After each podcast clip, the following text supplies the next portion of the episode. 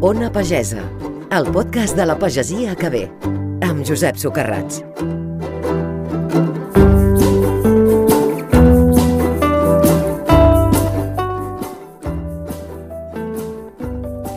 A pagès, tradicionalment, no es posaven tots els ous en un mateix cistell. M'explico. Per molt que s'especialitzessin en algun producte, eh, la gràcia de les masies, de, de les cases de pagès, sempre era combinar el cereal, les hortalisses, les fruites i el bestiar. Es tractava de crear un ecosistema en què cada, en cada peça beneficiés l'altra. Uh, les grans extensions de monocultiu que es van presentar com a la solució a tots els mals, perquè feien la vida dels pagesos més còmodes, al final potser no han estat tant. O sigui, si fem monocultiu, toca posar tots els ous en cistell. Però avui ja sabem que això no sempre és bon negoci i que la diversitat en les explotacions pot ser un gran valor. La Gemma Arnilles i en Jordi Terés ho van descobrir fa alguns anys i per això van introduir la ramaderia ovina com a complement dels seus conreus ecològics i així va néixer Pla Oví. Són els nostres convidats d'avui. Ona Pagesa, amb Josep Socarrats.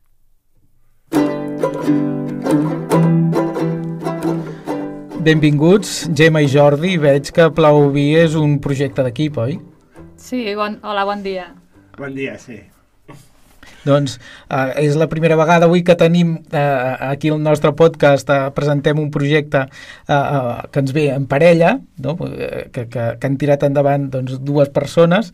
Uh, gràcies per venir, perquè més heu vingut, estem a Barcelona, al centre de Barcelona, i heu vingut des de la Noguera avui, que ha sigut un dia complicat a l'entrada per la carretera. S'està més bé uh, al Gerri, que és el vostre municipi? Bé, sí, eh, ja al primer moment només que aparcar ja és molt més fàcil. això segur, això segur. Uh, escolteu, em explicava això, no?, que fa... Gemma, tu sí que ets de Barcelona. Jo sí, jo soc de Barcelona i de veritat que quan arribo a la Diagonal ja estic contenta. Estàs contenta? Però fa 18 anys que vas, deixar, que vas deixar la ciutat, no? Sí, sí, sí. sí. Uh, ho vas deixar i et vas incorporar a aquesta empresa familiar agrària que teniu al Gerri Uh, I llavors veu introduir-vos, veu virar cap al conreu ecològic. Què, què fèieu a, a casa vostra en aquells temps? Fa 18 anys. Bueno, és una, era una explotació familiar agrària.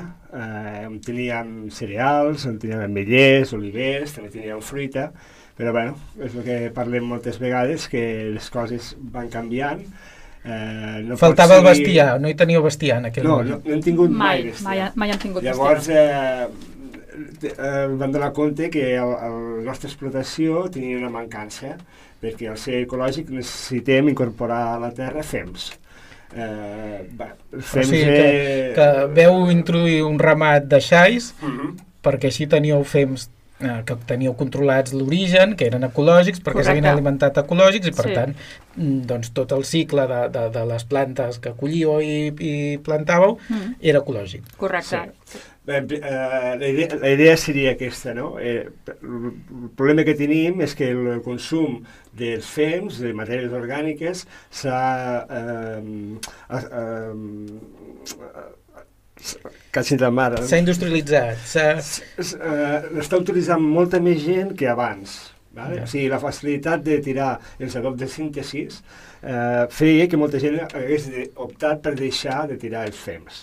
Què ha passat? Que s'han convertit en un problema. A l'haver més hectàrees en conversió en ecològic s'han començat a utilitzar més. Mm. Llavors eh, ens trobàvem que s'havia encarit moltíssim. Sí, s'havia de comprar fem ecològic i per tant una cosa que és un subproducte ah, acabava resultant molt cara. Sí, llavors vam... És, eh, és, eh, el FEM és unes coses que t'obliga el consell regulador al mínim cada 4 anys a portar a la terra perquè la Terra necessita eh, el, el FEM per activar-se, necessita crear aquesta biodiversitat. I clar, eh, bueno, va arribar un moment que eh, pujava tant el, el cost que al final vam optar per tenir alguna per a poder fer nosaltres. Això cap a quin any era, més o menys? El 2014. Pues, sí. 2013, bueno, el 2014 vam començar l'empresa, el 2013 ja vam, dos anys abans vam començar a donar-li voltes. Sí. Llavors també ens ve que havien d'aprofitar els productes excedents no de la mateixa agricultura què passava? Sobrava una Palla. mica d'ordi, o sobrava blat, o sobrava palla, o sobrava... I això era una manera de reprofitar-ho sense tindre entre cometes, de vegades de malvendre-ho. Llavors he tancat tot el cercle, que és, eh, al final, l'agricultura és... Sí, sí. és Tot es feia a casa vostra. Sí. Per tant, entenc que des de l'alimentació d'aquests xais fins a l'adob de, de, de l'horta o dels fruiters o dels, dels camps de cereal que tinguéssiu, tot era de la vostra mateixa explotació. Sí. Molt bé. Uh, el que passa que va arribar un moment que um, aquest ramat, que era el complement, era la peça que faltava, és un complement, Un complement. es va conver- convertir en la peça fonamental del vostre projecte. Sí, el... Bé, és que la idea era poder compaginar tot. Llavors, els començaments van ser eh, tancat, o sigui, tenir els animals tancats per a poder aprofitar tot eh, el fem de les ovelles. Què passa? Que els costos de tindre-les tancats i no estar preparat per a tindre-les tancat ens van veure obligats, així, tal qual, a traure-les a pasturar. A partir d'aquí és quan ve el canvi, perquè treure's a pasturar vol dir que almenys, com a mínim, has d'invertir 6 hores al dia amb el tema del pastoreig. Després, després ens, eh, ens ho explicareu perquè uh, uh, és, és interessant que, que saber què és la ramaderia extensiva i tot això. Però Us dediqueu tant temps a això que acaba sent l'activitat que us ocupa més temps de, El 100% ara. al 100%. El 100%. O sigui que ara uh, ja no teniu aquest, el, el cereal, ja no teniu altres... Uh, potser per consum Bueno, sí, propi. sí que tenim el cereal, el que passa que ara ho han, ho han partit amb el seu germà. Ah. Vull dir, hem fet una divisió a la família. L'empresa familiar té aquestes virtuts també. Correcte. Sí. Molt bé, a vegades que és més senzill de fer-ho així que, que en altres tipus de, de, de societats. Uh, això és el que t'anava a dir, ara ho, ho estaves començant a fer tu.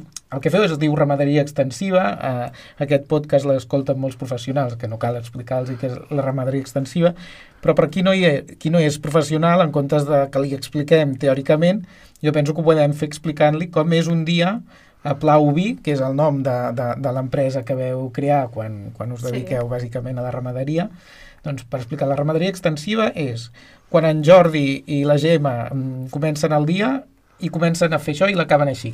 Com és un dia Plau? Bueno. Bueno, Bueno, eh, cada dia és diferent. És que, Sí, sí. jo és que És t'he d'introduir una variant. Que Digues, és el digues. tema de la comercialització.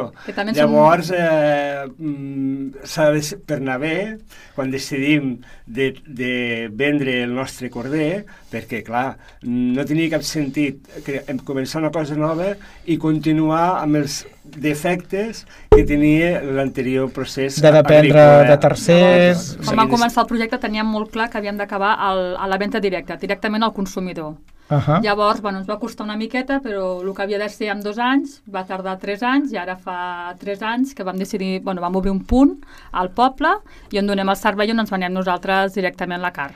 Farem doncs una mica aquest recorregut, no? D'entre que esteu a la vostra explotació, Mhm. no sé si teniu una casa fora del nucli urbà o, o, o enganxat... Bé, és igual, estem a l'entorn rural, Sí. tot és més gran, és més fàcil aparcar, hem quedat, però també és més fàcil respirar i és més fàcil passejar i òbviament és més fàcil que, que el ramat Però també ens falten molts serveis, eh? A, Sí. a, a, a zona rural. Ara anàvem per les coses bones. Sí, perdó. després, després reivindicarem tot el que faci falta, que, que tens raó, Gemma, que, que és molt. Uh, com comença el dia? I acabarem a la botigueta, eh, en algun moment? Bé, eh, és molt fàcil. Bé, ara, Sí. a- arribar al corral, eh, agafar els animals i marxar cap a on jo he pensat que en aquell moment, època de l'any i tot, hi ha el millor menjar per les ovelles. O sigui, sempre mengen fora, suposo no sé que plogui o que sigui una, uns dies, una temporada de mal temps, el que sigui. Correcte, per mi tindre les ovelles al corral és un problema, perquè no està preparat per a donar menjar al, al corral. Ho faig, ho faig, però no és eh, el que jo vull. Llavors... Eh... Perquè això no hem preguntat, quantes uh, ovelles hi ha al ramat? Bueno, ara, si no m'he equivocat i si quan arribi no em falta cap, jo crec que són 426. Déu-n'hi-do. Jo no m'imagino portant un ramat amb, amb tant bestiar. Molt bé. Bueno, no, no, no és cap... Eh, No és extraordinari. cosa, No. Gran. És, jo crec que... A Austràlia eh, en porten més. Pss, Bé, Sí. bueno, és, el que- és el que parlem, que cada lloc, cada situació és completament diferent. Uh -huh. Llavors, eh, eh, on estem, al Gerri, és un, hi ha un clima bastant estable durant l'any. Bueno, mm, no hi ha ni excessius freds, la calor sí que és bastant extrema, però jugues amb, amb les hores del dia per a aconseguir que el ramat tingui una estabilitat sempre eh, amb les hores de menjar i amb les temperatures. Val? Què fem? Eh, quan sortim a pasturar, si el, eh, anem massa lluny, o sigui que hem de recórrer massa distància, ah, llavors treballem amb el que serien les xarxes, o sigui, treballar amb pastor elèctric que, que en diguem. Llavors evitem eh, les desplaçaments molt llargs. llargs. I ens anem movent per dintre del terme amb les, amb les malles, Xarxes. no? amb el pastor elèctric. Eh, I això em permet de, de, també Pues disposar Clar. més de temps per a preparar el dia de demà Bé, Per, per tot aquest projecte vostre que va el que heu dit, eh? des de la cria fins al, fins a la botiga, no? I per Mhm. tant, Correcte. Heu de moure's entre... Correcte, guanya temps per poder ajudar-nos a la botiga, a l'escorxador... Però he llegit que, a més a més, pastureu per uh, zones d'especial protecció de les aus, per Sí. espais naturals protegits. A vegades se sap que l'activitat agrària i ramadera i la protecció d'espais naturals sembla que estiguin en contradicció, però en el vostre cas heu trobat un equilibri. Sí, eh, i és tan fàcil com aprofitar les noves tecnologies. Eh, ens, ha- ens ha permès de mm, contactar amb, amb professionals o gent que li, que li agrada la natura i eh, parlar amb ells i, i decidir quins moments eh, puc perjudicar, no puc perjudicar, si he de passar massa pel mateix lloc, si he d'anar a donar un tom per arribar a l'altre per no passar en aquell moment que estan anidant. O sigui, podem variar la, la, pastura, també depenent de les condicions com, com està el medi. Bé, això no deixa de ser una mica el que s'ha fet sempre, no? Què passa que abans la natura no l'havíem de protegir tant perquè ja anava pel seu camí i ara ens trobem quan tenim patrimoni com aquest que hi ha a l'entorn Mm. del Gerri, que hi hem de conviure i, i que sigui beneficiós per tots. Exacte. Uh, també he llegit que feu munta natural uh, al, al bestiar Mhm. per la reproducció. Això a vegades ja pensant que això ja havia passat a la història, però dieu que això també beneficia en la qualitat de, de, de la carn. Bueno, mm, jo crec que tampoc no és una cosa molt, molt decisiva. Eh, només que t'obligue a que les ovelles sempre estiguin bé. Perquè el que sí que està clar que la monta natural i totes les, tots els altres sistemes, si les ovelles no estan receptives, per molt que tinguin mascles, elles no es Per no es tant, són publicaran. ovelles felices. És que Clar, no hi ha sí. cap més, si no... Bon menjar, bona pastura, doncs clar, estan bé. Escolta'm, Gemma, eh, abans us ho comentava, eh, que he tastat carn de, plau, de, de plauví mm -hmm. i, i també per això sou aquí, perquè m'ha semblat que era un producte excepcional, o que costa més de trobar del que, del que m'agradaria a mi, bona carn de, de, de xai, no? Uh, però avui sou vosaltres aquí. Sí. Ens podeu explicar directament què té la vostra carn? Perquè, què, què la fa diferent o, o perquè sí que em diràs que, que no és la diferent, que és el que s'hauria de... Tot hauria Bueno, de ser diferent no, el que passa que és una carn de pastura, que en el moment que va a l'escorxador aquella carn eh, només ha begut la llet de la mare i les pastures, eh, pateix el mínim, l'estrès, perquè des de que l'agafem a l'escorxador tarden 15 minuts, allà el sacrifiquen, reposa 48 hores i ja ho portem a la botiga i fem el maneig nosaltres, el tallem com al gust del client, no té, no té cap secret. No, bé, això no és gaire fàcil de trobar.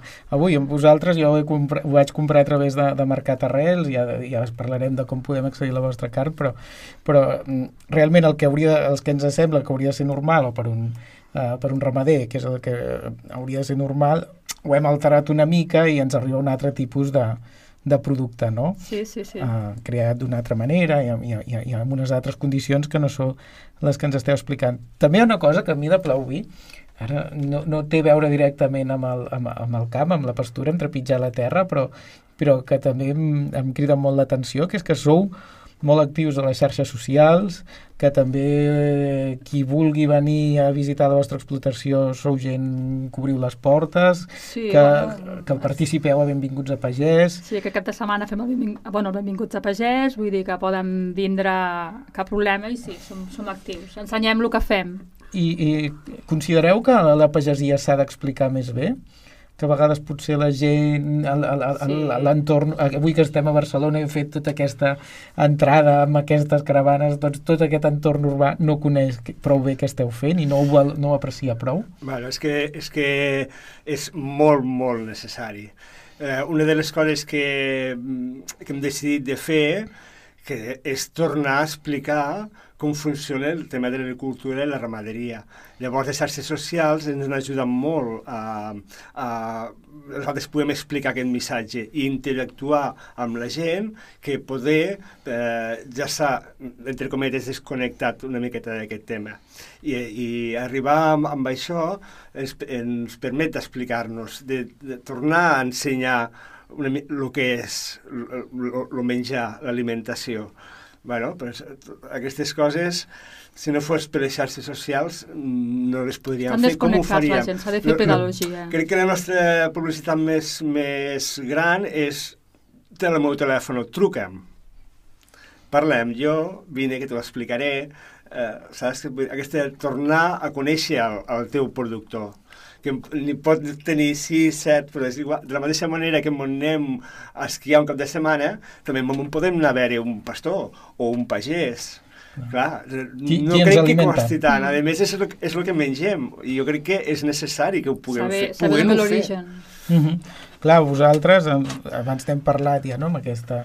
eh, Ens, potser ens estem saltant, si de cas en parlarem després, el, eh, on teniu, bueno, a quin escorxador aneu, perquè sé que, que també el teniu a prop, no? No, no Sí, feu... a l'escorxador de Balaguer. Dir, a deu- Llavors ja aneu allà minuts. Uh, un cop a la setmana, dos- un cop a la setmana aneu allà amb, amb el vostre bestiar i Mhm. després el distribuïu per diversos canals, però ara voldria parlar d'aquest que hem parlat a, abans, eh? de la botigueta, Vinga. que és el que vosaltres, quan penseu aquest, aquest cercle tancat de, de plau vi, obriu la botigueta, que què és? És presencial, no? Sí, és una botiga bueno, física, vull dir, donem el servei al poble, és una petita carnisseria. En principi vam pensar de, de només vendre el nostre corder, però com que som en un poble molt petit, de gent molt gran, som 270 habitants, doncs la gent arribava allà i que no tens pollastre, o que no tens una mica de vedella, que no tens tocino. I llavors vam decidir que a part del nostre corder vindríem altres coses, però tot de proximitat, de gent com nosaltres amb els nostres mateixos projectes. Llavors la botigueta és una miqueta, és com una agrobotiga que venem de tot, però sabem l'origen. O sigui que a la, a la Noguera podem trobar una mica de tot i bo, no? Sí, i tant. I aquesta botiga entenc que dona sobretot servei a, a aquesta comunitat petita del Gerri, aquests 270 habitants. Suposo que si algú sap espavilar-se i no li sap greu desplaçar-se una mica de, fora, també pot venir i I comprar. tant, tenim molts clients de fora. Ah, també, també.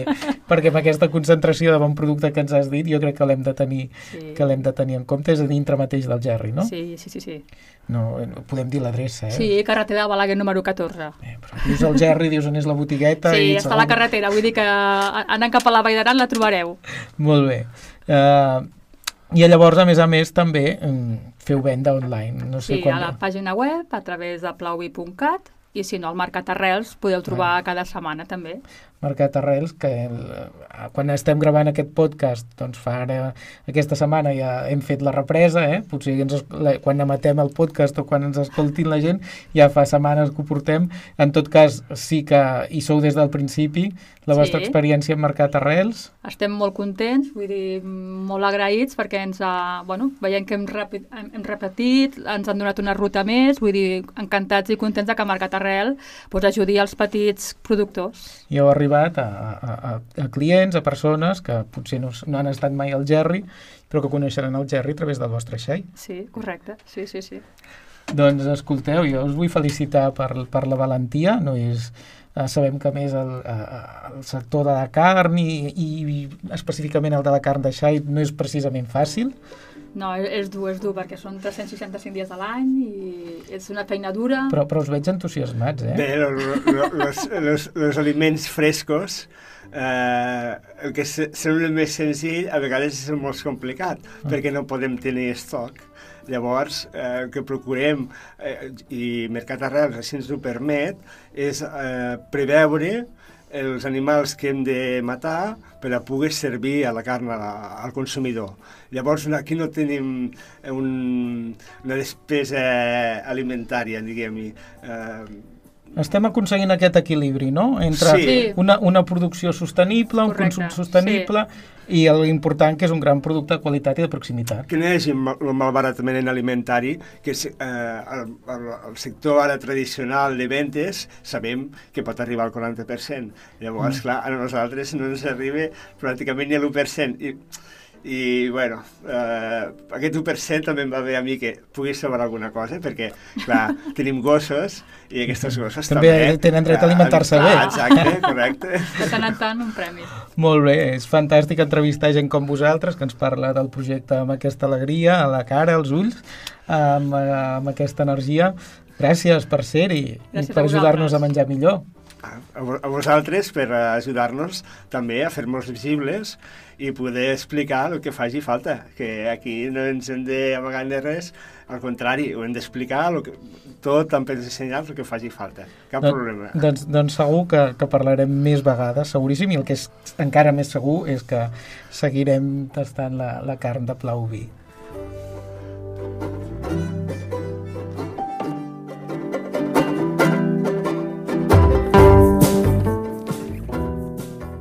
I de la Noguera fem un salt molt gran fins a l'altra banda de l'Atlàntic per instal·lar-nos a Mèxic. Allà ens hi espera l'Andrea Ruiz, que ens explicarà un projecte que a tants milers de quilòmet- quilòmetres de distància també té punts de contacte amb el projecte de Plauí. En aquest cas, però, el protagonista no és un ramat de xais i d'ovelles, sinó que és el blat de moro. Obrim el mapa mundi rural.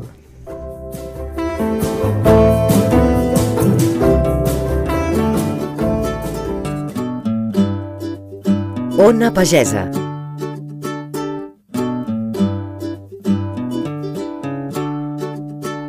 El mapa mundi rural.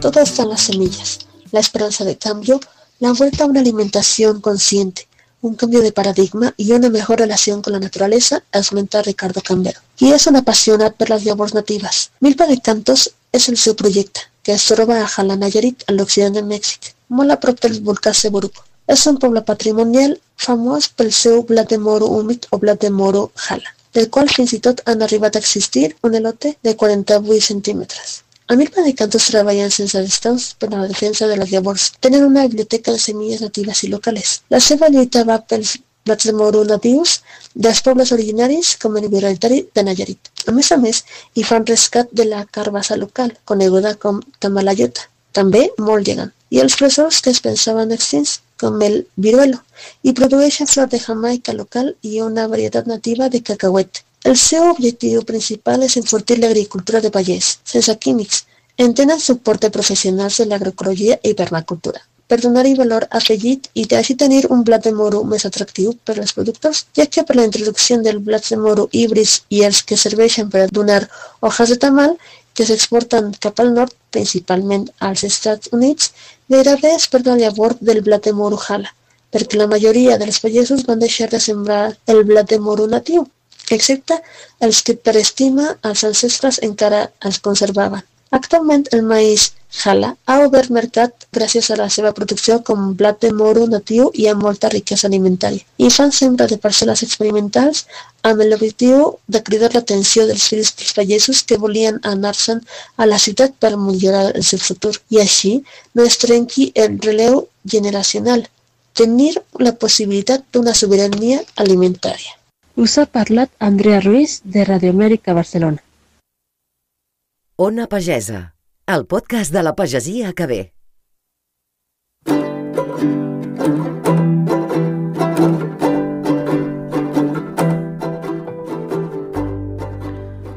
Bé, i avui ho deixem aquí. Ona Pagesa és un podcast que és possible gràcies a les aportacions dels socis d'Arrels, al món que torna, i si vosaltres no en sou i també en voleu ser, només cal que entreu al web arrels.info i allà us explicarem com en podeu ser. També us animem a seguir-nos a les xarxes socials. Els nostres comptes són arroba monarrels. Avui, des dels estudis de Ràdio Amèrica Barcelona, us hem acompanyat Maria Lesnichevski Boronat, eh, que està al control tècnic i que us ha parlat fins ara, en Josep Socarrats. Ens sentim al proper capítol.